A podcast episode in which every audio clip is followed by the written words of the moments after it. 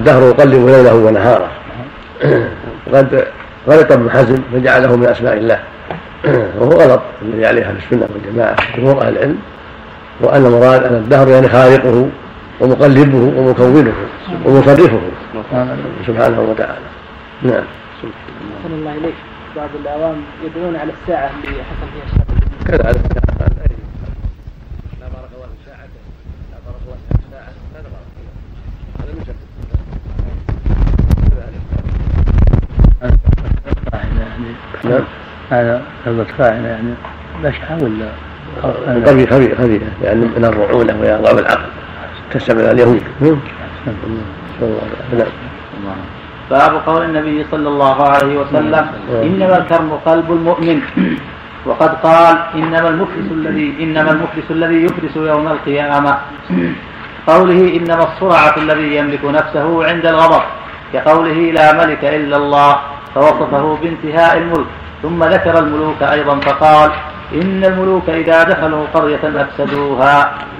حدثنا علي بن يراد بهذا رحمه الله ان إن هذا الوصف أولى به المؤمن. الكرم طيب العلم طيب ونافع ومفيد وهو كرم في نفس الأمر طيب ولكن الاولى بهذا الوصف هو قلب المؤمن لما فيه من الخير والمحبة لله تعظيمه والإخلاص له خوفه ورجاءه فهو أولى بهذا الوصف. كما يقال ليس المسكين بهذا الطواف الذي ترده اللقمه واللقمتان والتمره والتمرتان. وانه المسكين الذي لا يجد غنى يغنيه ولا يفطر له ويتصدق عليه ولا يقوم فيسأل الناس. ليس الشديد بالسرعه إنما الشديد يكون يسرع عند الغضب. المعنى أن يسرع الناس سرعه لكن خير منه وأفضل منه الذي يملك نفسه عند الغضب. والذي يطوف على الناس مسكين لكن أشد مكانة منه وأولى منه بالإحسان المتعفف الذي لا يجد غنى يليه ولا يقوم فيسال الناس ولا يفطر له ويصدق عليه. وهكذا ما أشبه من الألفاظ التي جاءت في هذا الباب. مثل الملك ملوك معروف لكن ملك على الحقيقة هو الله. هو ملك الملوك سبحانه وتعالى. لأنه مالكهم مصرف أمورهم ومع هذا سمى الملوك ملوكا. فلا يقال إنه ليس بملك هو ملك. ولكن الملك الحقيقي لله وحده سبحانه وتعالى. والذي بيده ذمة الأمور ومصرفها ولهذا أطلق على الملوك ملوك وعنده إذا دخلوا القرية آيات ملكه كذا إن الله اصطفى ملكا إلى نعم. الله النهي عن سب الدهر لأن فيه اعتراض على القضاء والقدر.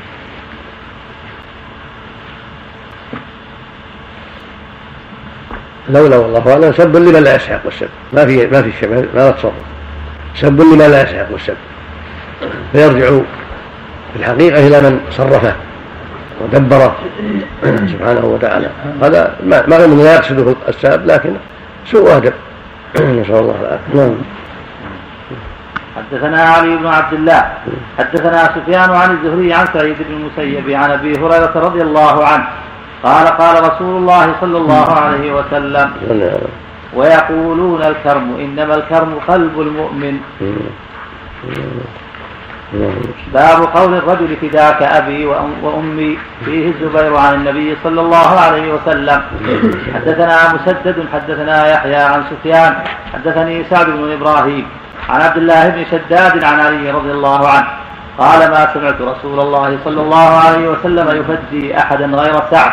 سمعته يقول ارم فداك أبي وأمي أظنه يوم أحد.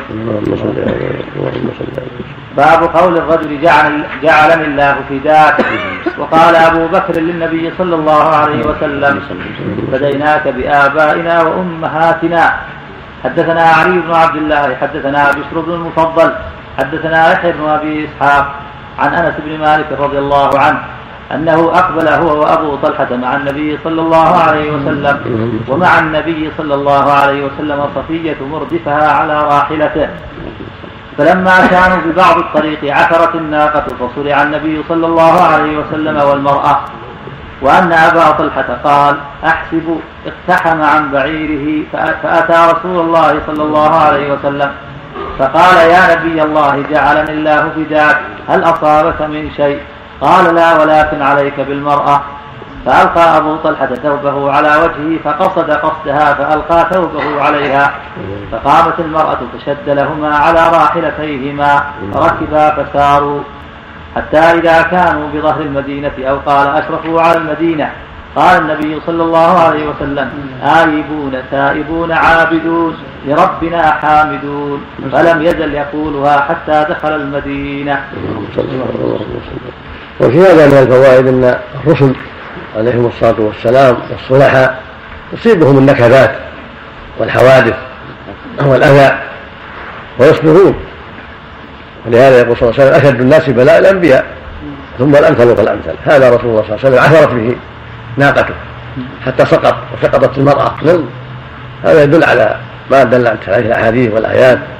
وأصابه يوم أحد ما أصابه من الجراحات والسقوط في حفرهم التي وضعوها في في أحد.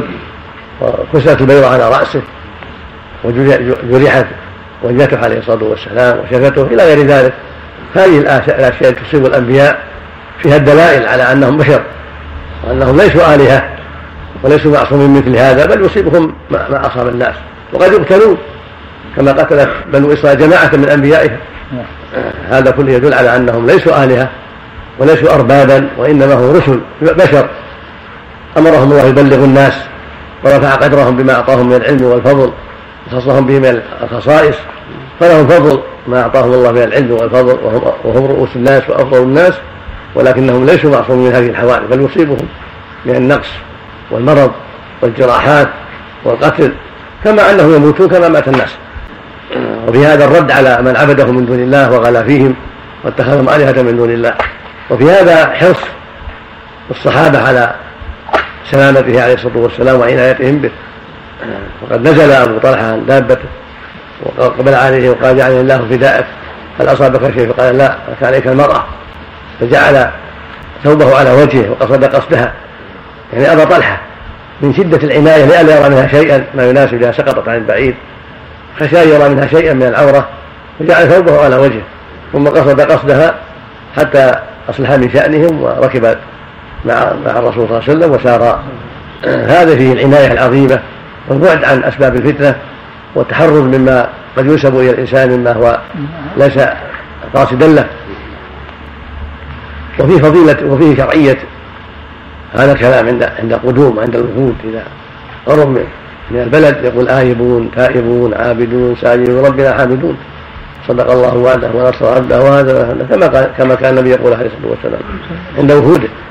ويكثرون التسبيح والتهليل والتحميد شكرا لله عز وجل. نعم. آه نعم. شوف كلامه على على فداك ابي روايه علي. نعم. وضع ثوب وضع ثوب على وجهها يعني ما هي من ضمن الأدلة على وجوب ستر الوجه. لئلا لئلا يرى منها شيئا. هذا من شدة حرصها رضي الله عنه. ويكفي غض البصر لكن كأنها من حرصها رضي الله عنه. لئلا لأنها ساقطة على عن البعير قد تبدو عورة منها. آه، لا يكفي فيها غض البصر.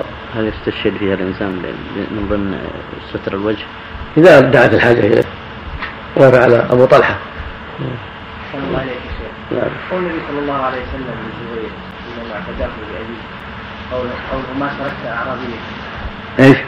يرد هنا قول النبي صلى الله عليه وسلم لزبير ما تركت اعرابيا ما سمعت ما ما أخبر شيء أقول ما أعلم شيء في هذا يأتي الكلام الخاطئ شوف كلام على فداك أبي قل عليه ولله سعد بن وقاص صلى الله عليك يا شيخ. يكرر آيبون تائبون عابدون نعم. تعرض لها الحافظ أي. رياض رياض على الحديثين. نعم. قوله باب قوله باب قول الرجل فداك أبي وأمي. تقدم ضبط فداك ومعناه في باب ما يجوز من الرجز والشعر قريبا. قوله فيه الزبير عن النبي صلى الله عليه وسلم. يشير إلى ما وصله في مناقب الزبير بن العوام من طريق عبد الله بن الزبير.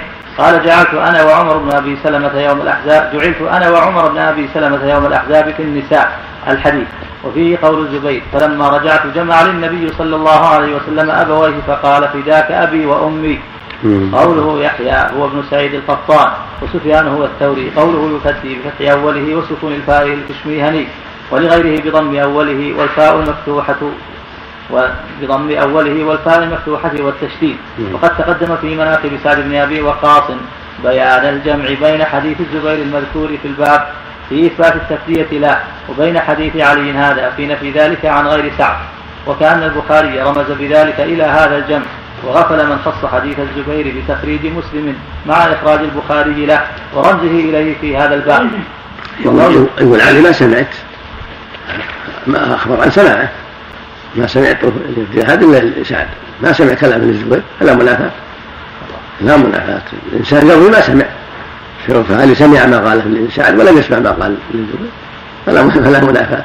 قد يكون قد وقع قد يكون وقع أيضا لغيرهما نعم. قوله في آخر هذا الحديث أظنه يوم أحد تقدم الجزم بذلك في رواية إبراهيم بن سعد بن إبراهيم عن أبيه في غزوة أحد من كتاب المغازي ولفظه. فإني سمعته يقول ارمي سعد. ارمي سعدا فداك أبي وأمي. سعدا كذا أو سعد. ارمي سعد. يعني يا سعد. نعم. نعم. ارمي سعد فداك أبي وأمي. وتقدم هناك وتقدم هناك سبب هذا القول لسعد بن أبي وقاص رضي الله عنه. قوله باب قول الرجل جعلني الله فداء. أي هل يباح أو يكره؟ وقد استوعب الأخبار الدالة على الجواز أبو بكر بن أبي عاصم في أول كتابه آداب الحكماء. وجزم بجواز ذلك فقال للمرء أن يقول ذلك لسلطانه ولكبيره ولذوي العلم ولمن أحب من إخوانه. غير محظور عليه ذلك. بل يثاب, بل يثاب عليه إذا قصد توفيره واستعطافه. ولو كان ذلك محظورا لنهى النبي صلى الله عليه وسلم قال قائل ذلك. ولا أعلمه أن ذلك غير جائز أن يقال لأحد غيره.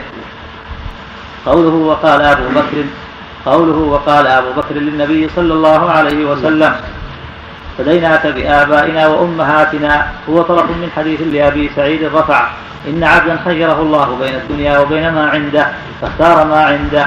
فقال أبو بكر فديناك بآبائنا وأمهاتنا. الحديث وقد تقدم موصولا في مناقب أبي بكر مع شرحه. ثم ذكر حديث أنس في إرداف صفية. وقد تقدم شرحه في أواخر كتاب اللباس والمراد منه قول أبي طلحة يا نبي الله جعلني الله فداك هل أصابك شيء؟ وقد وقد ترجم أبو داود نحو هذه الترجمة وساق حديث أبي ذر قلت للنبي صلى الله عليه وسلم لبيك وسعديك جعلني الله فداك. الحديث وكذا أخرجه البخاري في الأدب المفرد في الترجمة. قال الطبراني في هذه الأحاديث دليل على جواز قول ذلك. وأما ما رواه مبارك بن فضالة عن الحسن قال دخل الزبير على النبي صلى الله عليه وسلم وهو شاك فقال كيف تجدك؟ جعلني الله فداك قال ما تركت أعرابيتك بعد ثم وأما ما رواه.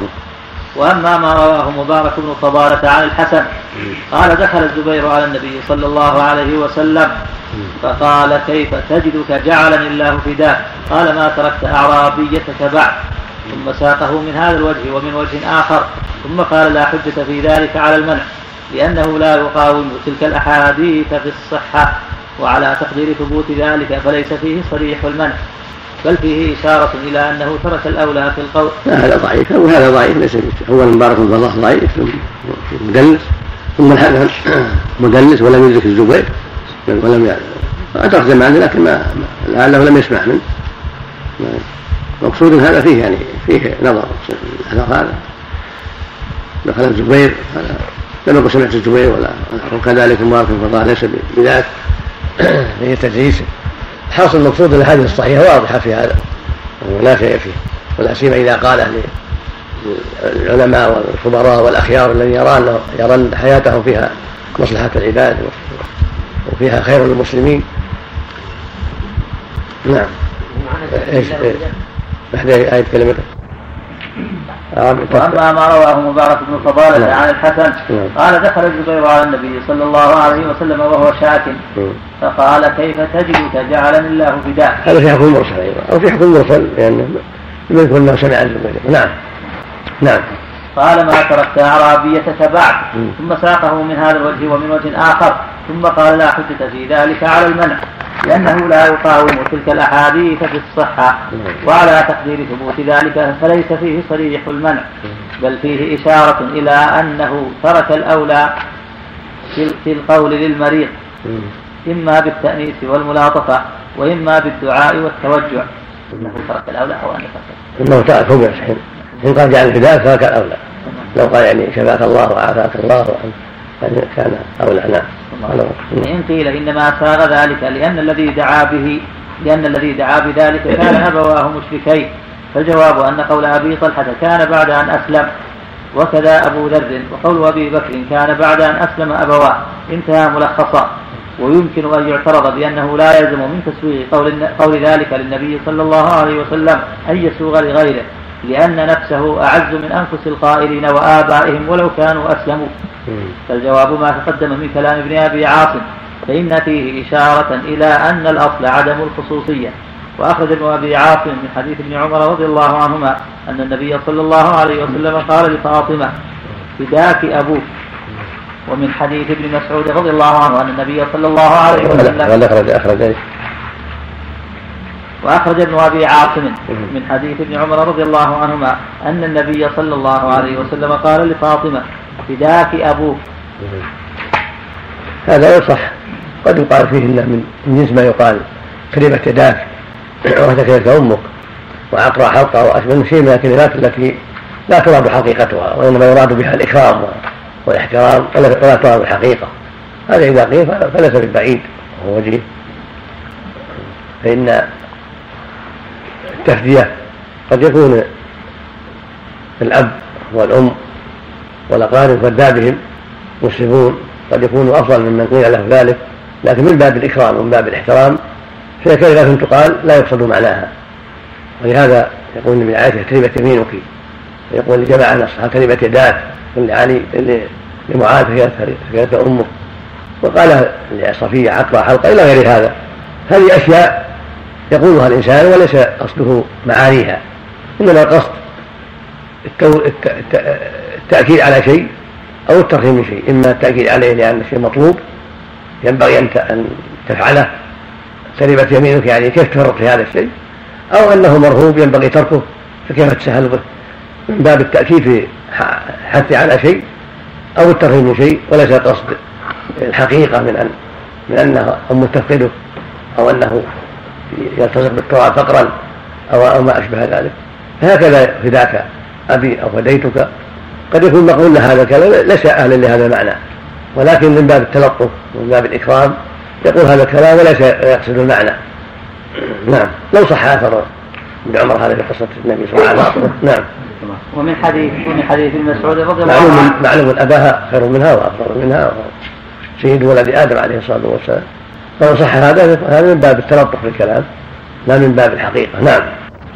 ومن حديث ابن مسعود رضي الله عنه أن النبي صلى الله عليه وسلم قال لأصحابه فداكم أبي وأمي. ومن حديث آنس رضي الله عنه أنه صلى الله عليه وسلم قال مثل ذلك للأنصار. كم؟ العين زاد شيء؟ لا ما زاد.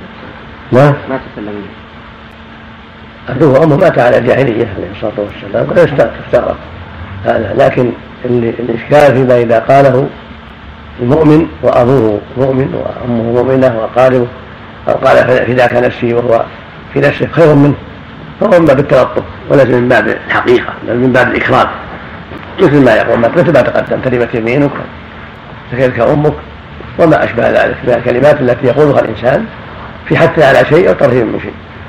نعم أصل معنى التسلية يعني يسأل لا يعني, يعني, يعني يكون الشخص المذكور في دله من الحوادث والبلايا. يعني عوضا عنه. عوضا عنه. نعم. هذا هو الأصل. يعني يفدونك حتى لا يقع عليك شيء. يعني لو إذا كان ولا بد من شيء فيكون فيهم لا فيك لكن هنا يعني الصواب المسألة يعني. الاقرب في هذا من باب من باب الاكرام من باب الإحترام من باب وليس المراد الحقيقة. هذا هو الأقرب. تقال مع كل أحد. ممكن. مثل ما فعل النبي صلى الله عليه وسلم في هذه الأخبار مثل ما فعل الصديق. نعم. باب أحب الأسباب وأحب الأسماء إلى الله عز وجل. حدثنا صدقة بن الفضل أخبرنا ابن عيينة. حدثنا ابن المنكدر عن جابر رضي الله عنه. قال ولد لرجل منا غلام فسماه القاسم.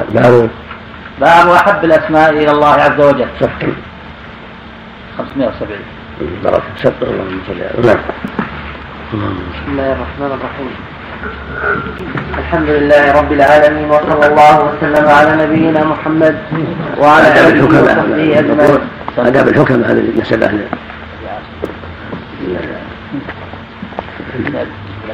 ابن ابي عاصم. نعم. موجود مطبوع. وما سمعت نعم نعم. نعم. قال شيخ الإسلام ابن تيمية رحمه الله تعالى سئل عن عرض الأديان عند الموت. هذا ابن أبي عاصم جده أبو عاصم النبيل ولا كتاب السنة مطبوع هو أحمد بن عمرو بن أبي عاصم وضعف المخرج نعم. نعم. الحمد لله رب العالمين والصلاة والسلام على نبينا محمد وعلى آله وصحبه أجمعين. قال الإمام أبو عبد الله البخاري رحمه الله تعالى باب أحب الأسماء إلى الله عز وجل. حدثنا صدقة بن الفضل أخبرنا الحديث اللي قبله آخر حديث. باب قول الرجل جعل الله كتاب ماشي نعم. حدثنا صدقة بن الفضل أخبرنا ابن عيينة. حدثنا ابن المنكدر عن جابر رضي الله عنه. قال ولد لرجل منا غلام فسماه القاسم. فقالوا لا نكنيك أبا القاسم ولا كرامة. فأخبر النبي صلى الله عليه وسلم فقال سم ابنك عبد الرحمن. باب قول النبي صلى الله عليه وسلم سموا باسمي ولا تكنوا بكنيتي. قاله أنس عن النبي صلى الله عليه وسلم. حدثنا مسدد حدثنا الحمد لله الصحيح يقول صلى الله عليه وسلم. أحب الأسماء إلى الله عبد الله وعبد الرحمن. وهذا منها. وهذه إشارة إلى أن أحب الأسماء إلى الله ما عبد له سبحانه وتعالى. ومن ذلك عبد الله وعبد الرحمن وهكذا عبد المجيد وعبد القدير وعبد السميع وعبد البصير وهكذا. جميع الأسماء المعبده لأسمائه سبحانه وتعالى.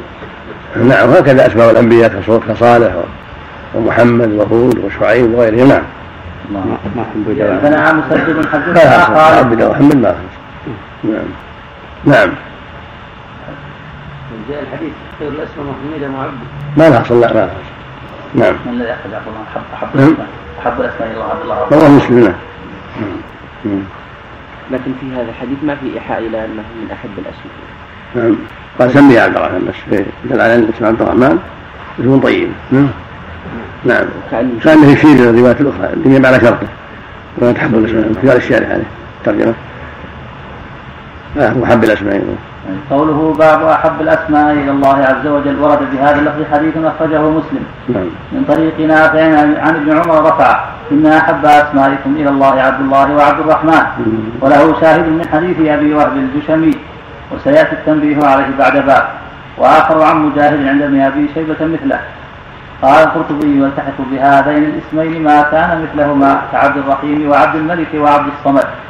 وإنما كانت أحب إلى الله لأنها تضمنت ما هو وصف واجب لله وما هو وصف للإنسان وواجب له وهو العبودية. ثم أضيف العبد إلى الرب إضافة حقيقية. فصدقت أفراد هذه الأسماء. فصدقت. فصدقت أفراد هذه الأسماء وشرفت بهذا التركيب. فحصلت لها هذه الفضيلة. وقال غيره الحكمة في الاقتصار على الاسمين أنه لم يقع في القرآن إضافة عبد إضافة عبد إلى عبد إلى اسم من أسماء الله تعالى غيرهما. قال الله تعالى وأنه لما قام عبد الله يدعوه. وقال في آية أخرى وعباد الرحمن. ويؤيده قوله تعالى قل ادعوا الله أو ادعوا الرحمن قل ادعوا الله أو ادعوا الرحمن. نعم وقد أخرج الطبراني نعم. الطبراني قد أخرج الطبراني من حديث أبي زهير الثقفي رفع إذا سميتم فعبدوا. ومن حديث ابن مسعود رضي الله عنه رفع أحب الأسماء إلى الله ما تعبد به. في إسناد كل كل منهما ضعف. قوله عن جابر. وفيها حادثة ذكرها المؤلف لعله يأتي. وأصدقها حارث بن همام في بعض روايات حديث مسلم حديث ابن عمر. أحب عبد الله وعبد الرحمن وأصدقها حارث بن همام لأن ابن آدم طبعه الحرف والهم. قبله أنه يكسب ويعمل ويهم بالأمور التي تعرض له. فهي صادقة عليه. نعم. اللهم نعم. قوله عن جابر ولد لرجل منا غلام. نعم. باب قول النبي صلى الله عليه وسلم سموا باسمي ولا تكنوا بكنيتي. قاله أنس عن النبي صلى الله عليه وسلم حدثنا مسدد حدثنا خالد حدثنا حسين عن سالم عن جابر رضي الله عنه. قال ولد لرجل منا غلام فسماه القاسم فقالوا لا نكنيه حتى تسأل النبي صلى الله عليه وسلم. فقال سموا باسمي ولا تكنوا بكنيتي. حدثنا علي بن عبد الله حدثنا سفيان عن أيوب عن ابن الشيرين سمعت أبا هريرة رضي الله عنه قال أبو القاسم صلى الله عليه وسلم سموا باسمي ولا تكتنوا بكنيتي. حدثنا عبد الله بن محمد حدثنا سفيان قال سمعت ابن المنكدر قال سمعت جابر بن عبد الله رضي الله عنهما ولد لرجل منا غلام فسماه القاسم.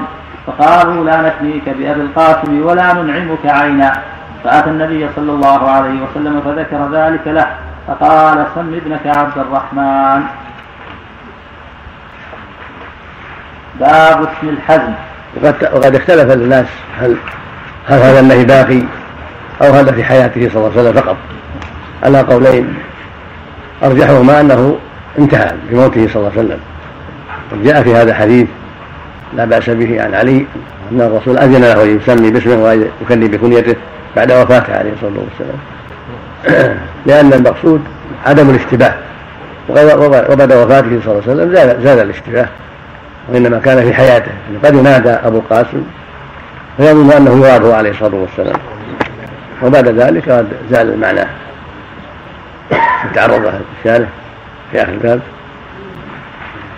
تعرض الخلاف أو العيني نعم في آخر لعل في آخر. أو العيني يقال هنا بس الخلاف فيه. وقد عقد الطحاوي في هذا في هذا بابا وطول فيه من الأحاديث والمباحث الكثيرة.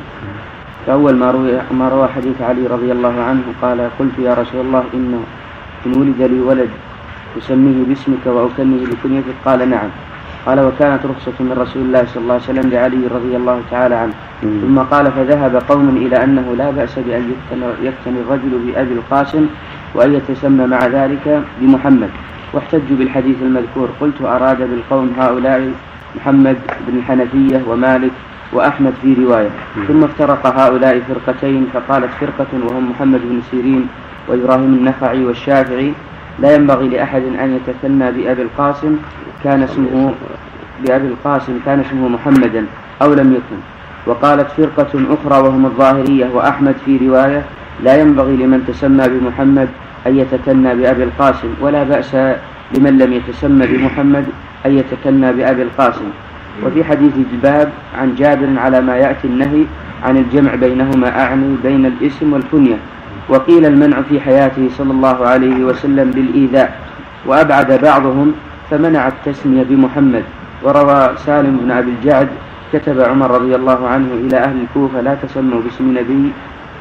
وروى أبو داود عن الحكم بن عطية عن ثابت عن أنس رفعه تسمون أولادكم محمدا ثم تلعنوه. وقال الطبري يحمل النهي على الكراهة دون التحريم وصحح الأخبار كلها ولا تعارض ولا نسخ.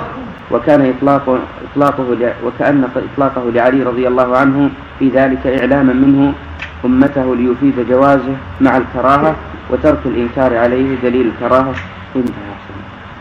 أما الشيخ محمد قد جاء النص بذلك قد سمى الصديق بإذن النبي صلى الله عليه وسلم محمد في آخر حياة النبي صلى الله عليه وسلم. فإن سمى ولده محمد وقد ولد في ذي الحليفة في حجة الوداع ومحمد بن مسلمة معروف ولم يغير اسمه النبي عليه الصلاة والسلام إنما الكلام في التكني بكنيته عليه الصلاة والسلام. فهذا نظهر فيه مثل ما في رواية علي أنه كان في حياته لا بعد وفاته عليه الصلاة والسلام. كان الحاج حاضر قال النووي. اختلف في التكني بأبي القاسم على ثلاثة مذاهب. الأول المنع مطلقا سواء كان اسمه محمدا أم لا. ثبت ذلك عن الشافعي. والثاني الجواز مطلقا ويختص النهي بحياته. والثالث لا يجوز لمن اسمه محمد ويجوز ويجوز لغيره. قال الرافعي يشبه أن يكون هذا هو الأصح. لأن الناس لم يزالوا يفعلونه في جميع الأعصار من غير إنكار. قال النووي هذا مخالف لظاهر الحديث. وأما اطلاق الناس عليه ففيه تقوية للمذهب الثاني. وكأن مستندهم ما وقع في حديث أنس المشار إليه المشار إليه قبل أنه صلى الله عليه وسلم كان في السوق فسمع رجلا يقول يا أبا القاسم. فالتفت إليه فقال لم أعرف. فقال سموا باسمي ولا تكنوا بكنيتي. قال ففهموا من النهي الاختصاص بحياته للسبب المذكور. وقد زال بعده صلى الله عليه وسلم انتهى ملخصا. وهذا السبب ثابت في الصحيح فما خرج صاحب القول المذكور عن الظاهر إلا بدليل ومما ومما نبه عليه ومما ننبه عليه أن النووي, النووي أن النووي أورد المذهب الثالث مقلوبا فقال يجوز لمن اسمه محمد دون غيره وهذا لا يعرف به قائل وإنما هو سبق قلم. قد حكى المذاهب الثلاثة في الأذكار على الصواب وكذا هي في الرابع. ومما تعقبه السلفي عليه أنه رجح منع التثنية بأبي القاسم مطلقا ولما ذكر الرافعي في خطبة المنهاج كنا ولما ذكر الرافعي في خطبة المنهاج كنا. لما ذكر ثم ذكر الرافعي كنا بأبي القاسم نعم. ولما ذكر الرافعي في خطبة المنهاج كنا نعم. فقال المحرر للإمام أبي القاسم الرافعي. وكان يمكنه أن يقول للإمام الرافعي فقط. أو يسميه باسمه ولا يسميه بالكنية التي يعتقد المصنف منعها. وأجيب باحتمال أن يكون أشار بذلك إلى اختيار الرافعي الجواز. أو إلى أنه مشتهر بذلك. ومن شهر بشيء لم يمتنع تعريفه به. ولو كان بغير هذا القصد فإنه لا يسوغ والله أعلم. وبالمذهب الأول قال الظاهرية وبالغ بعضهم فقال لا يجوز لأحد أن يسمي ابنه القاسم لئلا يكنى أبا القاسم. وحكى الطبري مذهبا رابعا وهو المنع من التسمية بمحمد مطلقا وكذا التكني بأبي القاسم مطلقا. ثم ساق من طريق سالم بن أبي الجعد كتب عمر رضي الله عنه لا تسموا أحدا باسم نبي. واحتج لصاحب هذا القول بما أخرجه واحتج لصاحب هذا القول بما أخرجه من طريق الحكم بن عطية. عن ثابت عن أنس رضي الله عنه رفع يسمونهم محمدا ثم يلعنونهم. وهو حديث أخرجه البزار وأبو يعلى أيضا وسند وسنده لين. قال عياض والأشبه أن عمر رضي الله عنه إنما فعل ذلك إعظاما لاسم النبي صلى الله عليه وسلم لئلا ينتهك. وقد كان سمع رجلا يقول لمحمد بن زيد بن الخطاب يا محمد فعل الله بك وفعل. فدعاه وقال لا أرى رسول الله صلى الله عليه وسلم يسب بك فغير اسمه. قلت أخرجه أحمد والطبراني من طريق عبد الرحمن بن أبي ليلى. نظر عمر إلى ابن عبد المجيد إلى ابن عبد الحميد وكان اسمه محمدا ورجل يقول له فعل الله بك يا محمد. فأرسل إلى ابن زيد بن الخطاب فقال لا أرى رسول الله صلى الله عليه وسلم يسب, يسب بك. فسماه عبد الرحمن. وأرسل إلى بني طلحة وهم سبعة ليغير أسماءهم فقال له محمد وهو كبيرهم والله لقد سماني النبي صلى الله عليه وسلم محمدا. فقال قوموا فلا سبيل إليكم. هذا يدل على رجوعه عن ذلك. وحكى غيره مذهبا خامسا وهو المنع مطلقا في حياته. والتفصيل بعده بين بين من اسمه محمد وأحمد. فيمتنع وإلا فيجوز. وقد ورد الأرجح هذا. الأرجح أنه يجوز بعد وفاته صلى الله عليه وسلم طول حياته. اللهم صل عليه وسلم نعم. مطلقا نعم. باب اسم الحزم. حدثنا إسحاق بن نصر. حدثنا عبد الرزاق أخبرنا معمر عن الزهري عن ابن المسيب عن أبيه. عن أبيه رضي الله عنه أن أباه جاء إلى النبي صلى الله عليه وسلم فقال ما اسمك؟ قال حزم. قال أنت سهل.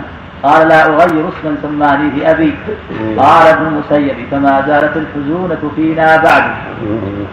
حدثنا علي بن عبد الله ومحمود هو ابن غيلان. قال حدثنا عبد الرزاق أخبرنا معمر عن الزهري عن ابن المسيب عن أبيه عن جده بهذا. باب تحويل الاسم إلى اسم أحسن منه. واضح على نعم. لعلها قبل أن يسلم. لعلها قبل أن يسلم لكن ما ما بلغنا انه غيرة. شوف حزم تقريبا.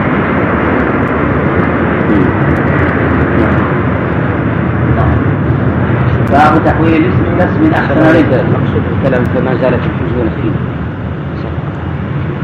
من الحزن يعني؟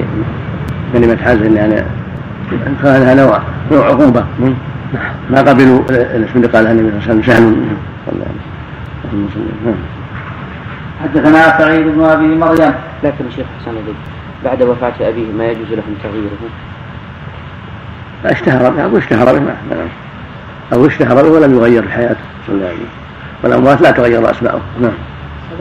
نعم. نعم. نعم. نعم. ارفع صوتك. هذا التقريب اي حزن حسن اي نعم. حزن. اي بوزن الذي قبله. اللي قبلها حزن. إيه. الوزن الذي قبله لكن آخره نون إي ابن أبي وهب إيه. بن عمير بن عائد بن عمران إيه. بن مخزوم إيه. صحابيا استشهد باليمامة إيه. وهو جد سعيد بن إيه. البخاري وأبو داود بس نعم نعم غير أحد؟ ما في غير نعم نعم حدثنا سعيد بن أبي مريم. حدثنا أبو غسان قال حدثني أبو حازم عن سهل رضي الله عنه. قال أتي بالمنذر بن أبي أسيد إلى النبي صلى الله عليه وسلم حين ولد. فوضع فوضعه على فخذه وأبو أسيد جالس. فلها النبي صلى الله عليه وسلم بشيء بين يديه. فأمر أبو أسيد بابنه فاحتمل من فخذ النبي صلى الله عليه وسلم. فاستفاق النبي صلى الله عليه وسلم فقال أين الصبي؟ فقال أبو أسيد قلبناه يا رسول الله. قال ما اسمه؟ قال فلان. قال ولكن اسمه المنذر. فسماه يومئذ المنذر. شدد عندك قلبناه ولا قلبناه بالتخفيف؟ قلبناه صرفناه يعني. التخفيف. نعم. قوله قوله قلبناه بفتح القاف وتشديد اللام. إيه. بعدها موحدة ساكنة أي صرفناه إلى منزله. وذكر ابن التيمي أنه وقع في روايته أقلبناه بزيادة همزة أولى قال والصواب حذفها وأثبتها غيره لغة. ماشي نعم. حدثنا صدقة بن الفضل. أخبرنا محمد بن نعم. جعفر. قلبناه في التشديد سواء ما ذكر التشديد ما ذكر غيره. عيني ذكر شيء؟ نعم. ما تكلم على ما نتكلم عليه؟ التشديد ما تكلم لا بالتشديد ولا بالتخفيف ما غلط. ما ضبط اللي أعرف من اللغة هو التخفيف والتشديد. قل- قلبه مرة واحدة قلبه إذا كثر التقليد. صار مرتين بعد مرتين ثلاث. أما قلبناه صرفناه يعني. الله في قصة الصفية نعم. الرسول صلى الله عليه وسلم يقلبها ليلا يقلبها. اللي معروف الرواية يقلبها. يعني يصرفها. ما في يقلبها ما- أتذكر. قاموس في في. مم. نعم. نعم. حدثنا صدقة بن الفضل أخبرنا محمد بن جعفر عن شعبة عن عطاء بن أبي ميمونة عن أبي رافع عن أبي هريرة رضي الله عنه أن زينب كان اسمها برة فقيل تزكي نفسها. فسماها رسول الله صلى الله عليه وسلم زينب. نعم. حدثنا إبراهيم بن موسى حدثنا هشام أن ابن جريج أخبرهم قال أخبرني عبد الحميد بن جبير بن شيبة قال جلست إلى سعيد بن المسيب فحدثني أن جده حزنا قدم على النبي صلى الله عليه وسلم فقال ما اسمك؟ قال اسمي حزن. قال بل أنت سهل. قال ما أنا بمغير اسما سمانيه أبي. قال ابن المسيب فما زالت فينا الحزونة بعد الله باب من سمى بأسماء الأنبياء. وقال أنس قبل النبي صلى الله عليه وسلم إبراهيم يعني ابنه. حدثنا ابن نمير حدثنا محمد بن بشر. حدثنا إسماعيل قلت لابن أبي أوفى رأيت إبراهيم ابن النبي صلى الله عليه وسلم. قال مات صغيرا. ولو قضي أن يكون بعد محمد صلى الله عليه وسلم نبي عاش ابنه ولكن لا نبي بعده. اللهم صل على الشاهد من هذا أن سماه إبراهيم. دل على جواز تسمية بأسماء الأنبياء. وسمى الصديق محمدا في آخر حياة النبي صلى الله عليه وسلم. نعم اللهم قول ابن رضي الله عنه. نعم. قال ابن أبي اوفى لو قضي أن يكون النبي لعاش ما أدري وش وجهه اجتهاد يعني. الله أعلم. نعم. انقطاع نعم النسب من سلالة إبراهيم. محمد صلى الله عليه وسلم نعم. كان انقطاع النسب سلسلة الأنبياء من ولد ولد إبراهيم. وش فيه؟ يعني تمت النبوة بمحمد صلى الله عليه وسلم تمت نعم. وخاتم الأنبياء. نعم. وأما السلسلة باقية. بني إسماعيل موجودين. أو بني إسماعيل وبني إسحاق موجودين. نعم. ذرية إبراهيم موجودين. الملأ الدنيا. نعم. كثيرون. نعم. كما تعرف لهم. تعرف لهم يلا. قوله ولو قضي أن يكون بعد محمد نبي عاش ابنه مم. إبراهيم ولكن لا نبي بعده هكذا جزم به عبد الله بن أبي أوفى. مم. ومثل هذا لا يقال بالرأي. وقد توارد عليه جماعة. فأخرج ابن ماجه من حديث ابن عباس رضي الله عنهما قال لما مات إبراهيم بن النبي صلى الله عليه وسلم وقال إن له مرضعا في الجنة. لو عاش لكان صديقا نبيا. ولا ولا أعتقت أخواله القبط. وروى أحمد وابن مندى من طريق السدي سألت أنسا كم بلغ إبراهيم. قال كان قد ملأ المهد. ولو بقي لكان نبيا. ولكن لم يكن ليبقى لأن نبيكم آخر الأنبياء. ولفظ أحمد لو عاش إبراهيم بن النبي صلى الله عليه وسلم لكان صديقا نبيا. ولم يذكر القصة. فهذه عدة أحاديث صحيحة. فهذه عدة أحاديث صحيحة عن هؤلاء الصحابة. أنهم أطلقوا ذلك. أنهم أطلقوا ذلك. فلا أدري ما الذي حمل النووي في ترجمة إبراهيم المذكور من كتاب تهذيب الأسماء واللغات على استنكار ذلك ومبالغته حيث قال هو باطل. وجسارة في الكلام على المغيبات ومجازفة وهجوم على عظيم من الزلل ويحتمل أن يكون استحضر ذلك عن الصحابة المذكورين فرواه عن غيرهم ممن تأخر عنهم. فقال ذلك. قد استنكر قبله ابن عبد البر في الاستيعاب الحديث المذكور فقال هذا لا أدري ما هو. وقد ولد وقد ولد نوح وقد ولد نوح من ليس بنبي. وكما يلد غير النبي نبيا فكذا يجوز عكسه. حتى نسب قائله إلى المجازفة والخوض في الأمور الغيبية بغير علم إلى غير ذلك. مع أن مع, مع أن الذي نقل عن الصحابة مع أن الذي نقل عن الصحابة المذكورين. إنما أتوا فيه بقضية شرطية.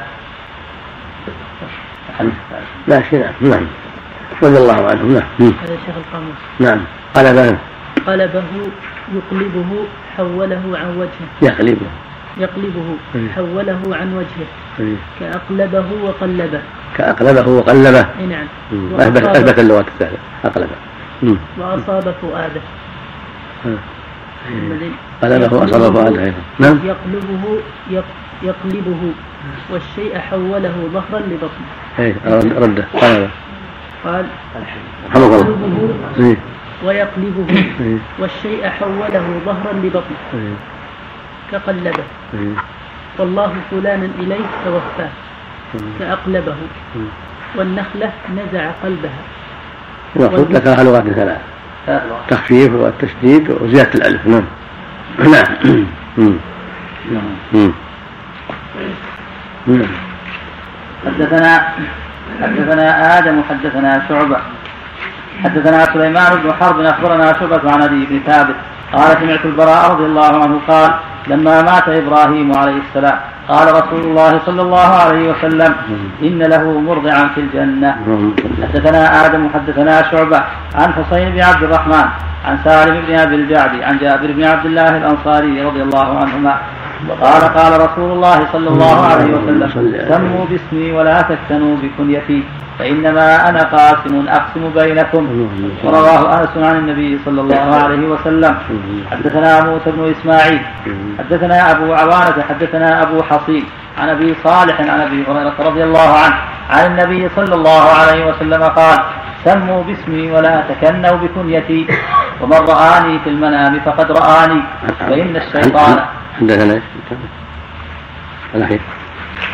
حدثنا موسى بن إسماعيل نعم. حدثنا أبو عوانة حدثنا أبو حصين نعم. عن أبي صالح عن أبي هريرة رضي الله عنه عن النبي صلى الله عليه وسلم قال سموا باسمي ولا تكنوا بكنيتي ومن رآني في المنام فقد رآني فإن الشيطان لا يتمثل صورتي. ومن كذب علي متعمدا فليتبوأ مقعده من النار. حدثنا محمد بن العلاء حدثنا أبو أسامة عن بريد بن عبد الله بن أبي بردة عن أبي بردة عن أبي موسى رضي الله عنه. قال ولد لي غلام فأتيت به النبي صلى الله عليه وسلم فسماه إبراهيم. فحنكه بتمرة ودعا له بالبركة ودفعه إليه. وكان أكبر ولد أبي موسى. حدثنا أبو الوليد حدثنا زائدة عليه حدثنا أبو حصين. نعم. عن أبي صالح عن أبي هريرة رضي الله عنه عن النبي صلى الله عليه وسلم قال سموا باسمي ولا تكنوا بكنيتي. ومن رآني في المنام فقد رآني فإن الشيطان لا يتمثل صورتي. ومن كذب علي متعمدا فليتبوأ مقعده من النار. حدثنا محمد بن العلاء حدثنا أبو أسامة عن بريد بن عبد الله بن أبي بردة عن أبي بردة عن أبي موسى رضي الله عنه. قال ولد لي غلام فأتيت به النبي صلى الله عليه وسلم فسماه إبراهيم.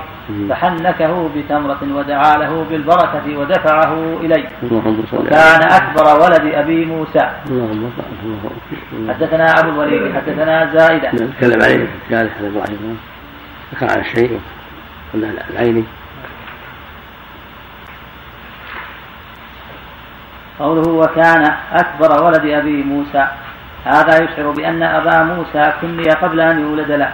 وإلا فلو كان الأمر على غير ذلك لكني بابنه إبراهيم المذكور. ولم ينقل أنه كان يكنى أبا إبراهيم. بس العيني. نعم. نعم. الحديث مضى في العقيدة ماشي نعم. مر عن الجنة خاص بإبراهيم. الأصل هو هذا. الأصل الوقوف على النصوص. نعم. نعم. نعم نعم. واجب ولا؟ لا لا مستحب. نعم. نعم. حدثنا أبو الوليد. حدثنا زائدة حدثنا صح كم؟ 576 نعم نعم. حدثنا أبو الوليد حدثنا زائدة حدثنا زياد بن علاقة. سمعت المغيرة بن شعبة قال انكسفت الشمس يوم مات إبراهيم. رواه أبو بكرة عن النبي صلى الله عليه وسلم. نعم. نعم. هذا المتن 78 إيه. الكلام على أبي موسى. 79 نعم. لكن أحسن لك أبي موسى. اسم ولا كنية. اسمه عبد الله بن قيس. اسمه عبد الله بن قيس. نعم. ولم يتكن بابنه الاكبر ما سمعناه معروف بين المسلمين وبين الصحابة أبو موسى نعم. الله قوله مرآن فيما نفق الآن. فإن الشيطان لا يتمثل في الصورة يعني رأى حقيقة. يعني على صورتين. على صورتين ربعة من الرجال. أبيض مصاب بحمرة. كث اللحية أسود اللحية إلا شعرات قليلة من الشيء. يعني على صورته التي هو عليها صلى الله عليه وسلم. نعم. باب تسمية الولي. بركة نعم. بسم الله الرحمن الرحيم. الحمد لله رب العالمين وصلى الله وسلم على نبينا محمد وعلى آله وصحبه أجمعين. سئل شيخ الإسلام ابن تيمية هل جميع الخلق حتى الملائكة يموتون؟ فأجاب الذي عليه أكثر الناس أن جميع الخلق يموتون حتى الملائكة وحتى عزرائيل ملك الموت. وروى في ذلك وروي في ذلك حديث مرفوع إلى النبي صلى الله عليه وسلم. والمسلمون واليهود والنصارى متفقون على إمكان ذلك وقدرة الله عليه. وإنما يخالف في ذلك طوائف من المتفلسفة أتباع أرسطو. وأمثالهم ومن دخل معهم من المنتسبين إلى الإسلام أو اليهود والنصارى كأصحاب رسائل إخوان الصفا وأمثالهم ممن زعم أن الملائكة هي العقول والنفوس وأنه لا يمكن موتها بحال بل هي عندهم آلهة وأرباب لهذا العالم. والقرآن وسائر الكتب تنطق بأن الملائكة عبيد مدبرون كما قال تعالى لن يستنكف المسيح أن يكون عبدا لله ولا الملائكة المقربون. ومن يستنكف عن عبادته ويستكبر فسيحشرهم إليه جميعا. وقال تعالى وقالوا اتخذ الرحمن ولدا. سبحانه بل عباد مكرمون. لا يسبقونه بالقول وهم بأمره يعملون. يعلم ما بين أيديهم وما خلفهم ولا يشفعون إلا لمن ارتضى. وقال وكم من ملك في السماوات لا تغني شفاعتهم شيئا إلا من بعد أن يأذن الله لمن يشاء ويرضى. والله سبحانه قادر على أن يميتهم ثم يحييهم كما هو قادر على إماتة البشر والجن ثم إحيائهم وقد قال سبحانه وهو الذي يبدأ الخلق ثم يعيده وهو أهون عليه. وقد ثبت في الحديث الصحيح أنه صلى الله عليه وسلم آه، وقد ثبت في الحديث الصحيح عن النبي صلى الله عليه وسلم من غير وجه وعن غير واحد من الصحابة أنه قال إن الله إذا تكلم بالوحي أخذ الملائكة مثل الغش. مثل أخذ الملائكة نعم. أخذ الملائكة مثل الغش. وفي رواية إذا سمعت الملائكة كلامه صعقوا. وفي رواية سمعت الملائكة كجر, كجر السلسلة على الصفوان فيصعقون فإذا فزع عن قلوبهم أي أزيل الفزع عن قلوبهم قالوا ماذا قال ربكم؟ قالوا الحق فينا دون الحق. قالوا الحق. قالوا الحق.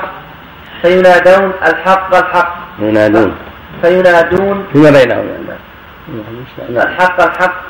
فقد أخبر في هذه الأحاديث الصحيحة أنهم يصعقون صعق الغشي. فإذا جاز عليهم صعق الغشي جاز صعق الموت. وهؤلاء المتفلسفة لا يجوزون لا هذا ولا هذا. وصوت الغشي هو مثل صعق موسى عليه السلام. قال تعالى فلما تجلى ربه للجبل جعله دكا وخر موسى صعقا. الآيات عامة كل نفس ذائقة الموت. الملائكة لهم نفوس. فهم مثل غيرهم. يموتون كما يموت غيرهم من الجن والإنس والدواب وغير ذلك. فلا يبقى إلا الله جل وعلا. نعم هو الذي يبقى ثم يعيد من يشاء سبحانه وتعالى. الله أكبر. نعم. الله تسمية عزرائيل في الورق في هذا الأصل؟ فلا تموت بعزرائيل مشهور ولكن ما ما ما نعلم في حديث صحيح بهذا الاسم. انما هو مشهور بهذا الاسم. ولكن لم يثبت في حديث صحيح. كان نعم. أطلق عليه. كان يري على ما اشتهر بين الناس. نعم. نعم. هل يصعقون يا شيخ ولا يصعقون؟ نعم. قال يصعقون ولا يصعقون؟ الله يقال كذا وكذا نعم. نعم. نعم. نعم. في الآية الكريمة فصعق نعم. يصعقون. يصعقون يصيبهم هذا الأمر. نعم. نعم. نعم. نعم. هل يمنع الناس من تسمية إسرائيل أو يقال شيرا؟ على مرسى لا على مرسى مشهور. نعم. منع عبد الله. بسم الله الرحمن الرحيم. الحمد لله رب العالمين والصلاة والسلام على أشرف الأنبياء والمرسلين نبينا محمد وعلى آله وأصحابه أجمعين. قال الإمام البخاري رحمه الله تعالى باب تسمية الوليد. باب باب تسمية الوليد. نعم. أخبرنا أبو نعيم الفضل بن دكير حدثنا ابن عيينة عن الزهري عن سعيد عن أبي هريرة رضي الله عنه.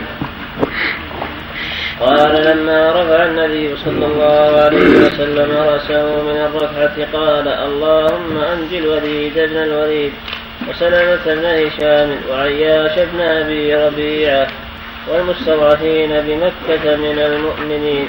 اللهم اشدد وطأتك على مضر اللهم اجعلها عليهم سنين كسني يوسف.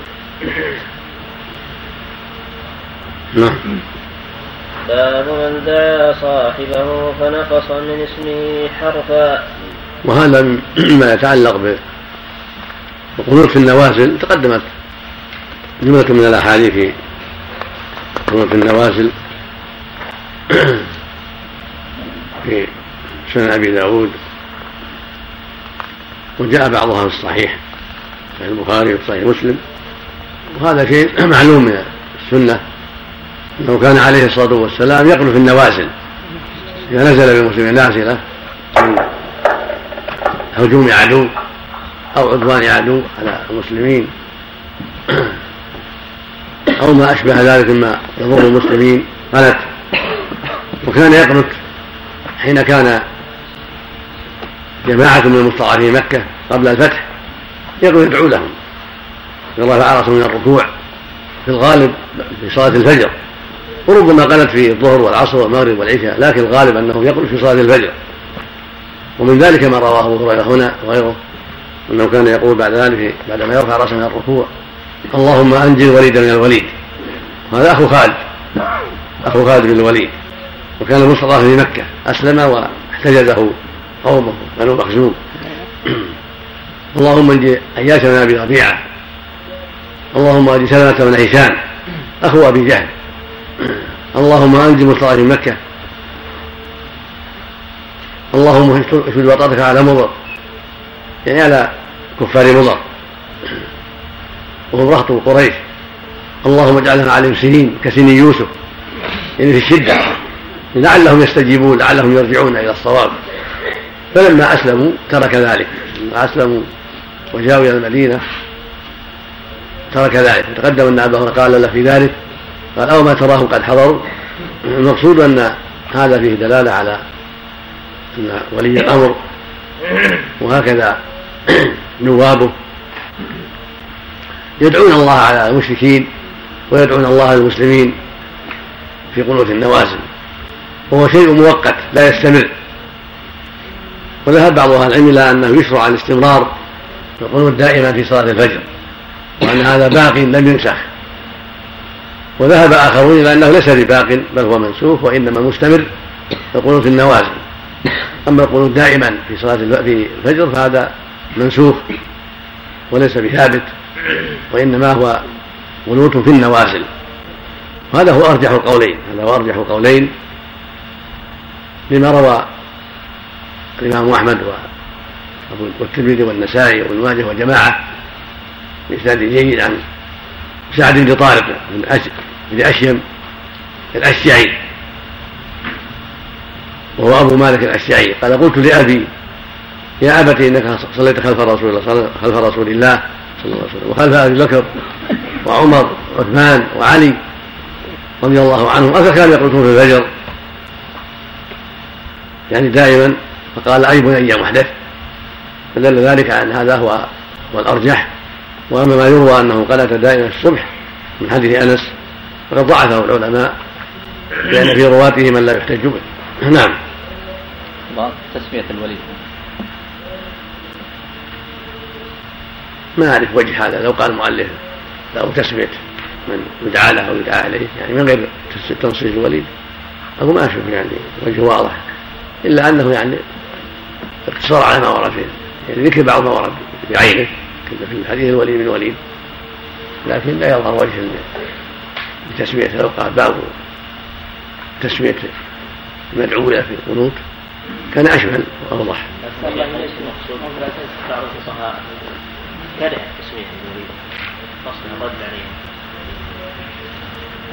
لعل هذا هذا أقرب. لعل هذا هو الصواب. أو لعل هذا مراده رحمه ليس مراده. جنس يعني المسمى في القنوت لعل هذا مراده إشكال الشارع عليه. قوله باب تسمية الوليد ورد في كراهة هذا الاسم حديث أخرجه الطبراني من حديث ابن مسعود رضي الله عنه. نهى رسول الله صلى الله عليه وسلم أن يسمي الرجل عبده أو ولده حربا أو مرة أو وليدا. الحديث وسنده ضعيف جدا ورد فيه أيضا حديث آخر مرسل أخرجه يعقوب بن سفيان في تأريخه والبياقي في الدلائل من طريقه قال حدثنا محمد بن خالد بن عباس السكسكي حدثنا الوليد بن مسلم حدثنا أبو عمرو الأوزاعي. وأخرجه البيهقي في الدلائل أيضا من رواية بشر بن بكر عن الأوزاعي وأخرجه عبد الرزاق في الجزء الثاني من أماليه عن معمر كلاهما عن الزهري عن سعيد بن المسيب قال ولد لأخي أم سلمة ولد فسماه الوليد فقال رسول الله صلى الله عليه وسلم سميتموه بأسماء فراعنتكم ليكونن في هذه الأمة رجل يقال له الوليد. هو أشر على هذه الأمة من فرعون لقومه. قال الوليد بن مسلم في روايته قال الأوزاعي فكانوا فكانوا فكانوا يرونه الوليد بن عبد الملك. ثم رأينا أنه الوليد بن يزيد. لفتنة الناس به حين خرجوا عليه فقتلوه وانفتحت الفتن على الأمة بسبب ذلك. وكثر فيهم القتل. وفي رواية بشر بن بكر من الزيادة. غير اسمه فسموا عبد, فسموا عبد الله. وبين في روايته أنه أخو أم سلمة لأمها وهكذا أخرجه الحارث بن أبي أسامة في مسنده. عن إسماعيل بن أبي إسماعيل عن إسماعيل بن عياش عن الأوزاعي عن الزهري عن سعيد بن المسيب. أخرجه أبو نعيم في الدلائل من رواية الحارث وأخرجه أحمد عن أبي المغيرة عن إسماعيل بن عياش فزاد فيه قال حدثني الأوزاعي وغيره. عن الزهري عن سعيد بن المسيب عن عمر به فزاد فيه عمر فادعى ابن حبان أنه لا أصل له. فقال في كتاب الضعفاء في ترجمة إسماعيل بن عياش هذا خبر باطل ما قاله رسول الله صلى الله عليه وسلم ولا رواه عمر. ولا حدث به سعيد ولا الزهري ولا هو من حديث الأوزاعي ثم عله بإسماعيل بن عياش. واعتمد ابن الجوزي على كلام ابن حبان فأورد الحديث في الموضوعات. فأورد الحديث في الموضوعات فلم يصب فإن إسماعيل لم ينفرد به وعلى تقدير انفراده فإن من فرد بزيادة عمر في الإسناد وإلا فأصله كما ذكرت عند الوليد وغيره من أصحاب الأوزاعي عنه وعند معمر وغيره من أصحاب الزهري فإن كان سعيد بن المسيب تلقاه عن أم سلمة فهو على شرط الصحيح. ويؤيد ذلك أن له شاهدا عن أم سلمة أخرجه إبراهيم الحربي في غريب الحديث من رواية محمد بن إسحاق عن محمد بن عمرو عن عطاء عن زينب بنت أم سلمة عن أمها قالت دخل علي النبي صلى الله عليه وسلم وعندي غلام من آل المغيرة اسمه الوليد فقال من هذا؟ قلت الوليد قال قد اتخذتم الوليد حنانا غير اسمه فإنه سيكون فإنه سيكون في هذه الأمة فرعون يقال له الوليد. وقد أخرجه الحاكم من وجه آخر عن الوليد موصولا بذكر أبي هريرة فيه. أخرجه من طريق عن بن حماد عن الوليد بن مسلم وقال في آخره قال الزهري إن استخلف الوليد بن يزيد وإلا فهو الوليد بن عبد الملك. قلت وعندي أن ذكر أبي هريرة فيه من أوهام عن ابن حماد والله أعلم. ولما لم يكن هذا الحديث المذكور على شرط البخاري أو ما إليه كعادته وأورد فيه الحديث الدال على الجواز فإنه لو كان مكروها. لغيره النبي صلى الله عليه وسلم كعادته فإن في بعض طرق الحديث المذكور الدلالة على أن الوليد بن الوليد المذكور قد قدم بعد ذلك المدينة مهاجرا كما مضى في المغازي ولم ينقل أنه صلى الله عليه وسلم غير اسمه. وأما ما تقدم أنه أمر بتغيير اسم الوليد فذلك اسم ولد المذكور. فذلك اسم ولد المذكور فغيره فسماه عبد الله. وأخرج الطبراني في ترجمة الوليد بن الوليد بن المغيرة من طريق إسماعيل بن أيوب المخزومي في قصة موت الوليد بن الوليد بعد أن جاء إلى المدينة مهاجرا. وأن النبي صلى الله عليه وسلم دخل على أم سلمة بعد موته وهي تقول أبكي الوليد بن الوليد أبا الوليد بن المغيرة. فقال إن كدتم لتتخذون الوليد حنانا فسماه عبد الله ووصله ابن منده من وجه واه إلى أيوب بن سلمة بن عبد الله بن الوليد بن الوليد بن المغيرة. عن أبيه عن جده أنه أتى النبي صلى الله عليه وسلم فذكر.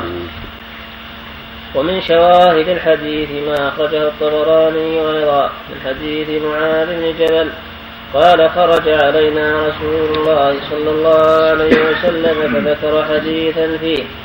قال الوليد اسم فرعون فرعون فرعون. قال الوليد اسم فرعون. هادم هادم شرائع الإسلام يبوء بدمه رجل من أهل بيته. ولكن سنده ضعيف جدا. الخلاصة أن تسمية الوليد لا حرج فيها ولا بأس. قد أقر النبي صلى الله عليه وسلم الوليد بن الوليد ولم يغير اسمه وكذلك الوليد بن عقبة بن أبي معيط. عاش دهرا طويلا في عهده صلى الله عليه وسلم وعهد الصديق وعهد عمر ومات بعد ذلك ولم يغير اسمه. فالاحاديث التي في النهي عن تسميه الوليد كلها واهية وغير صحيحة والصواب ما فعل ما قاله ابن الجوزي في اعتبار أهل الموضوعات وما قاله ابن حبان وهذه الطرق المتعددة الواهية لا يعتبر لا يلتفت إليها. وبنو أمية لهم أعداء ولهم خصوم في دولة بني العباس وضعوا عليهم أحاديث كثيرة كذبوا عليهم أحاديث كثيرة لأن في بني في بني أمية الوليد بن عبد الملك والوليد بن يزيد فاراد التشنيع عليهم بهذه الأسماء والوليد بن عقب بن عبد الملك ليس ممن يوصف بهذا الوصف. وله حسنات عظيمة وجهاد كبير وإن كان له أخطاء والوليد بن يزيد فاسق ولكن ليس في درجة فرعون وأشباه فرعون. المقصود أن هذا الحديث واحي بل بل موضوع. ولكن تواردت عليه أشياء مما يوثقها خصوم الدولة والضعفاء ومن لا يميز بين الغث والسمين ومن له هوى فالحاصل ان أن هذا ليس بشيء مثل ما قال ابن الجوزي وابن حبان رحمه الله. نعم. وحفظكم الله يا شيخ. الوضع فيه هنا من مع ابن عائشة صدوقا نعم سم. نعم. باب من دعا صاحبه فنقص من اسمه حرفا. نعم. وقال أبو حازم عن أبي هريرة رضي الله عنه قال لي النبي صلى الله عليه وسلم يا أبا هر اللهم صل على حدثنا أبو اليمان اخبرنا شعيب عن الزهري قال حدثني أبو سلمة بن عبد الرحمن أن عائشة رضي الله عنها زوج النبي صلى الله عليه وسلم قالت قال رسول الله صلى الله عليه وسلم يا عائش هذا جبريل يقرئك السلام. قلت وعليه السلام ورحمة الله. قالت وهو يرى ما لا نرى. اللهم صل وسلم حدثنا موسى بن إسماعيل حدثنا وهيب حدثنا أيوب. وهذه منقبة منقبة لعائشة رضي الله عنها. وأعظم من ذلك منقبة خديجة حين جاء جبرائيل يقرأ عليها من ربها السلام. ويبشرها البيت في الجنة من قصب لا نصب فيه ولا وصب. رضي الله عن الجميع نعم الله نعم. حدثنا موسى بن إسماعيل حدثنا وهيب حدثنا أيوب عن أبي قلابة عن أنس رضي الله عنهما قال كانت أم سليم في الثقل. وأنجشت غلام النبي صلى الله عليه وسلم يسوق بهن فقال النبي صلى الله عليه وسلم يا أنجش رويدك سوقك بالقوارير. اللهم صل على نعم. باب الكنية للصبي وقبل أن يولد للرجل. حدثنا مسدد حدثنا عبد الوارث عن أبي التياح عن أنس رضي الله عنه قال كان النبي صلى الله عليه وسلم أحسن الناس خلقا وكان لي أخ يقال له ابو عمير. قال أحسبه فقيما وكان إذا جاء. قال يا أبا عمير ما فعل النغير؟ نغر كان يلعب به فربما حضر الصلاة وهو في بيتنا. فربما حضر الصلاة وهو في بيتنا فيمر بالبساط الذي تحته فيكنس وينضح ثم يقوم ونصلي خلفه فيصلي بنا. وهذا فيه دلالة على أن لا بأس يكن الإنسان وإن كان صغيرا. قال أبو عمير وأبو فلان وأبو عبد الله لا بأس بهذا وهذا واقع كثيرا. من هذا تسمية عائشة أم عبد الله ولم يولد لها؟ على الصحيح فالحاصل أنه لا بأس أن يكن الإنسان وإن لم يولد له وإن كان صغيرا. ولهذا كان يقول لولد لأخ عن الصغير يقال يكن أبا عمير فيكنه النبي يقول يا أبا عمير ما فعل النغير. من باب المداعبة والملاطفة منه عليه الصلاة والسلام. وكان أحسن الناس خلق عليه الصلاة والسلام. قد وهب حسن الخلق والحلم. صلى الله وسلم عليه وعلى آله وصحبه. وفيه أيضا من الفوائد جواز صيد البر وإدخاله الحرم فان النغير ما يصاد في الحرم. احتج به العلماء على أنه لا بأس أن يصاد في الخارج ويدخل به الحرم حيا. ومثل ذلك حرم مكة لأن الحكم واحد في المعنى لأنه صاده في محل لا حرج عليه فيه صار ملكا له فأشبه دخول المحرم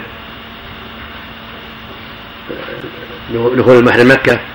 إحرام إحرام من أراد الحج والعمرة وعنده زوجة فإنه يبقيها ولكن لا ينكح وهو محرم. أما كونه تبقى معه زوجته ولا يطلق هذا أمر معلوم بالنص والإجماع. هكذا لا يصيد في الحرم ولكن إذا دخل في الحرم دخل الحرم بصيد قد صاده في الحل فلا حرج عليه في أصح قول العلماء. نعم. قبل أن يولد للرجل لم يذكر الحديث؟ يدل عليه ما فعل. يا أبا عمير تو صغير ما بعد ولد له نعم بالبساط الذي تحته هذا في قصة أخرى. كان النبي صلى الله عليه وسلم زار بيت أنس جدة له دعته إلى طعام فزارهم.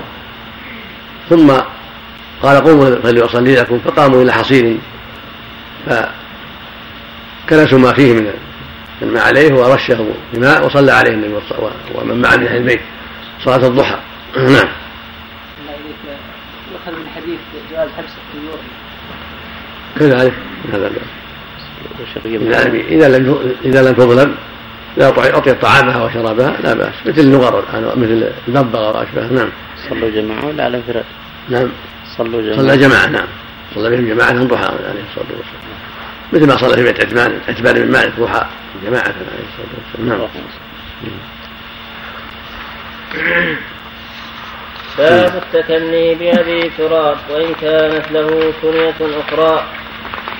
حدثنا خالد بن مخلد حدثنا سليمان قال حدثني أبو حازم عن سهل بن سعد رضي الله عنه.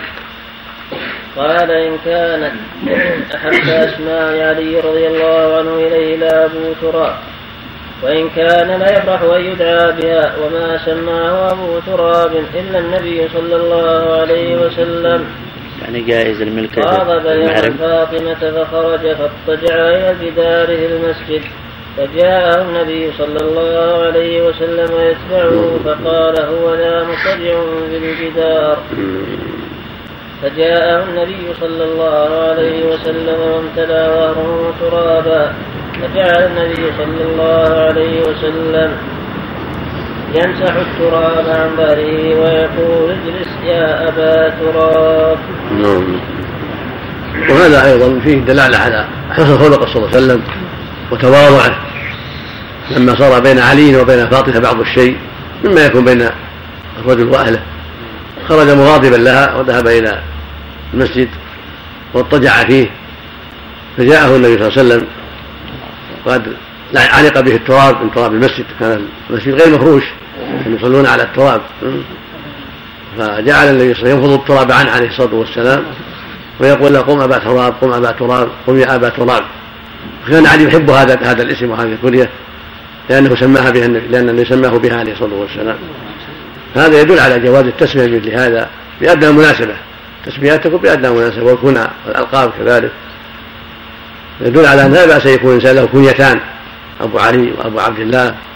أبو محمد وأبو صالح وهكذا. لا بأس يكون عدة كنى نعم.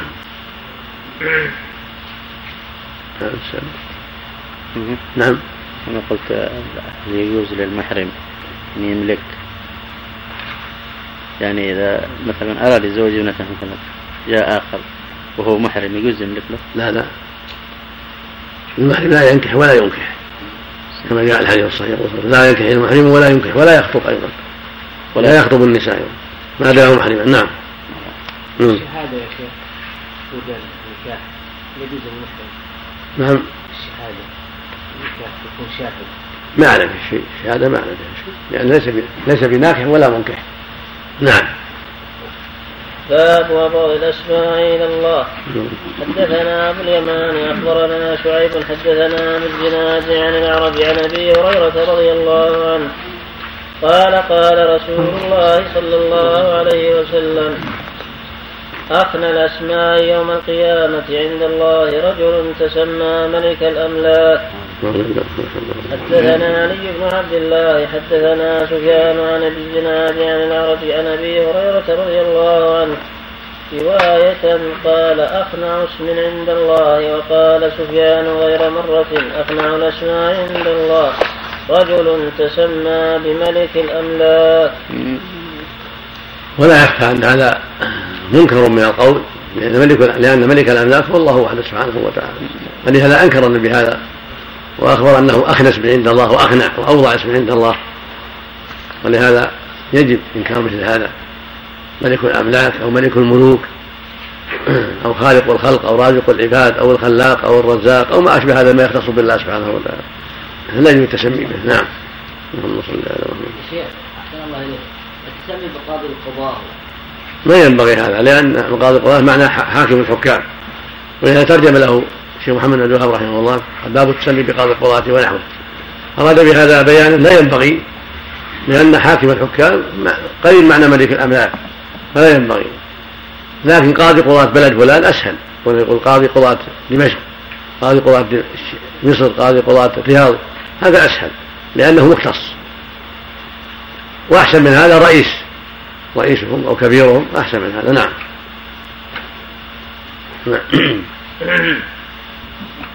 باب كنية المشرك. وقال نسور سمعت النبي صلى الله عليه وسلم يقول إلا أن يريد ابن أبي طالب.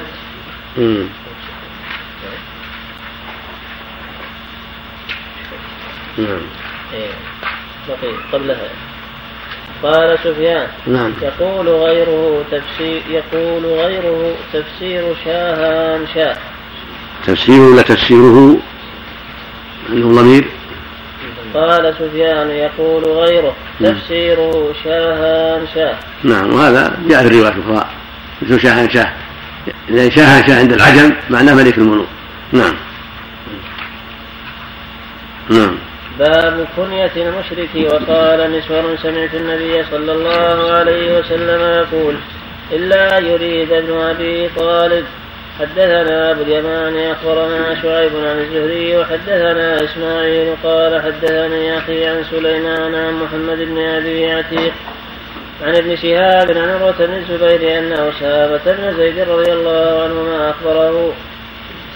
أن رسول الله صلى الله عليه وسلم ركب على حمار عليه قطيفة فذكية وأسامة وراءه يعود سعد بن عبادة في بني حارث بن الخزرج. قبل وقعة بدر فسارا حتى مرا بمجلس فيه عبد الله بن أبي بن سلول وذلك قبل أن يسلم عبد الله بن أبي. فإذا في المجلس أخلاق من المسلمين والمشركين عبدة الأوثان واليهود وفي المسلمين عبد الله بن رواحة. فلما غشيت المجلس عجالة الدابة خمر ابن أبي أنفه بردائه وقال لا تغفروا علينا. فسلم رسول الله صلى الله عليه وسلم عليهم ثم وقف فنزل فدعاهم إلى الله وقرأ عليهم القرآن. اللهم صل عليه وسلم فقال له عبد الله بن أبي بن سلول أيها المرء لا أحسن مما تقول إن كان حقا. فلا تؤذنا به بين جالسنا فمن جاءك فاقصص عليه. قال عبد الله بن رواحة رضي الله عنه بلى يا رسول الله. فغشنا فغشنا في مجالسنا فإنا نحب ذلك. فاستب المسلمون والمشركون واليهود حتى كادوا يتساورون. ولم يزل رسول الله صلى الله عليه وسلم يخفضهم حتى سكتوا. ثم ركب رسول الله صلى الله عليه وسلم دابته فسار حتى دخل على سعد بن عبادة. فقال رسول الله صلى الله. عليه وسلم أي سعد ألم تسمع ما قال أبو حباب؟ يريد عبد الله بن أبي. قال كذا وكذا. فقال سعد بن عبادة أي رسول الله؟ بأبي أن تعفو عنه واصفح. فوالذي أنزل عليك الكتاب لقد جاءك الله بالحق الذي أنزل عليك ولقد اصطلح أهلها لقد لقد.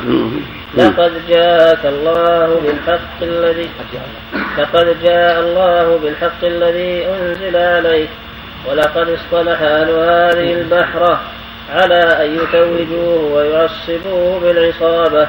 فلما رد الله ذلك بالحق الذي أعطاك شرق بذلك. فذلك فعل به ما رأيت. فعفى عنه رسول الله صلى الله عليه وسلم. وكان رسول الله صلى الله عليه وسلم وأصحابه يعفون عن المشركين وعن الكتاب. كما أمرهم الله ويصبرون على الأذى. قال الله تعالى ولتسمعن من الذين أوتوا الكتاب الآية. وقال ود كثير من أهل الكتاب.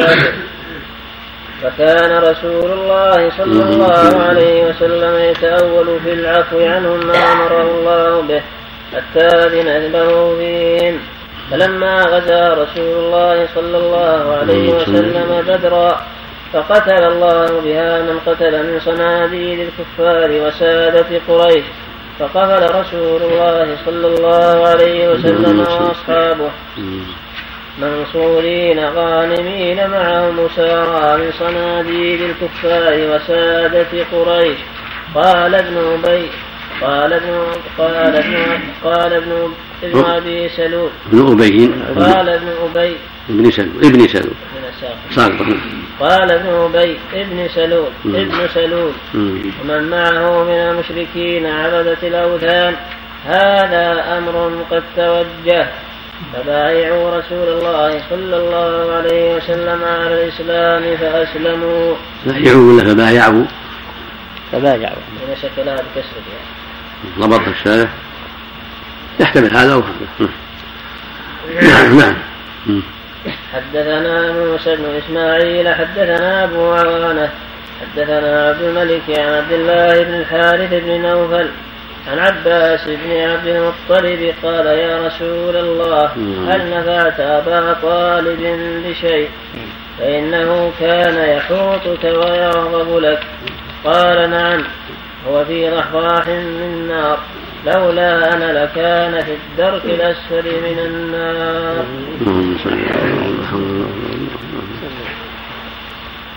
نعم. باب المعاريض مندوحة عن الكذب. وهذه قصة قصة عيادة النبي صلى الله عليه وسلم لسعد بن عبادة وما جرى في في طريقها. حديث العباس في قصة أبي طالب فيها فوائد. منها شرعية عيادة المريض وأنه يستحب رئيس المسلمين وإمامهم والأعيان والكبار وغيرهم عيادة المرضى وأن هذا ليس خاصا بعامة الناس بل شرعية عيادة المرضى عامة للجميع من الرؤساء وغيرهم. ولهذا كان صلى الله عليه وسلم يعود المرضى عليه الصلاة والسلام. ولا يخفى ما في عيادة الكبار للمرضى من الفوائد الكبيرة والمصالح العامة. ويدل هذا على حسن خلقه وعلى تواضعه عليه الصلاة والسلام وأنه يؤلف بكلامه وفعاله عليه الصلاة والسلام. وهو من الفوائد الدعوة إلى الله في المناسبات ولو في الطريق إذا ذهب إلى جهة إذا وجد مكانا مناسبا أو مجتمعا مناسبا نزل من دابته أو من سيارته في الوقت الحاضر نزل ودعا إلى الله ثم عاد إلى حاجته. هذا الرسول صلى الله عليه وسلم ذهب إلى سعد قبل بدر قبل غزوة بدر. يعوده وهو مريض. فلما مر على مجلس فيه عبد الله بن أبي بن سلول ومعه جماعة من اليهود ومن عبدة الأوثان وفيه جماعة من المسلمين. فالمجلس مختلط فلما رآه النبي فلما غشت المجلس عجاجة الدابة لأن كان على حمار ومعه رديفه أسامة عليه الصلاة والسلام. هذا يدل على أيضا تواضع ركوب الحمار مع الرداف عليه كما فعل في قصة معاذ كله دليل على تواضع وعلى جواز الرداف على الدابة. فلما غشت العجاجة عجاجة الدابة يعني غبارها المجلس وضع عبد الله بن أبي رداءه على أنفه وقال لا تغبروا علينا. فنزل النبي صلى الله عليه وسلم من دابته ووقف عليهم ودعاهم إلى الله وتلا عليهم القرآن عليه الصلاة والسلام لأنهم فيه لأن فيهم ناسا من اليهود ومن المشركين. فقال ابن أبي لا أحسن مما تقول إن كان إن كان صدقا فلا تؤذنا به في مجالسنا. فمن جاءك في مجلس في محلك فاقصص عليه. وكان هذا من خبثه وكفره وضلاله وما في قلبه من البلاء. فقال عبد الله بن رواحة وهو من خيرة الأنصار رضي الله عنه فقتل يوم مؤتة أحد الأمراء. قال بلى يا رسول الله إننا نحب أن تغشانا في مجالسنا. فعند ذلك ثار أصحاب عبد الله ينصرون عبد الله بن أبي وثار المسلمون ينصرون عبد الله بن رواحة. وكادوا أن يقتتلوا فقد جعل النبي يسكتهم ويهدئهم ويخفضهم حتى هدأوا وسكتوا. عليه الصلاة والسلام ثم ركب دابته. فتوجه إلى سعد بن عبادة الخزرجي سيد الخزرج رضي الله عنه. فلما دخل عليه واستقر به المكان عنده قال ألم ألم تفعل ألم تعلم ما فعل أبو الحباب؟ هذا الشاهد كنا. وهو كافر كناه بأبي الحباب وكان أبا طالب بأبي طالب. هذا في جواز تثنية الكافر وأن يكنى بكنيته المعروفة وإن كانت تكون فيها بعض المدح وبعض المجاملة لكن فعله النبي صلى الله عليه وسلم لأنه مشهور بذلك ولما فيه من المجاملة للأنصار. ولما فيه أيضا من التأليف وتهدئة الفتن. فقال سعد أي رسول الله إن الرجل قد كاد أصحاب هذه القرية يولوه عليهم ويعصبوه العصابة ويجعله ملكا على المدينة. فلما جاء الله بهذا الحق الذي أنزل عليك وهاجرت إلى المدينة عليه الصلاة والسلام شرق بهذا الأمر لأنه فاته أن يولى ويملك فشرق بالحق بسبب ما حصل له من من الحرمان لما قد أراد قومه أن يولوه عليهم ويوائسوه عليهم. فلهذا أصابته المصيبة يعني أصابه هذا الحسد وهذا الشر وهذا البلاء لأنك صرت سببا لحرمانه من الرياسة. فلم يزل في بلاه وشره نسأل الله العافية. فصفى عنه قال له سعد فاعف عنه يا رسول الله. فعفى عنه وصفح عنه عليه الصلاة والسلام. وهكذا كان المسلمون قبل أن يمروا بالقتال يصفحون ويعفون. عما يقع من الأذى من قريش وغيرهم. كما قال الله جل وعلا تبلون في أموالكم وأنفسكم ولا تسمعن من الذين أوتوا من قبلكم ومن الذين أشركوا أذى كثيرا وإن تصبروا وتتقوا فإن ذلك من عزم الأمور. قال فاعف عنه واصفح إن الله يحب المحسنين. فصفح عليه الصلاة والسلام وعفى عن عبد الله.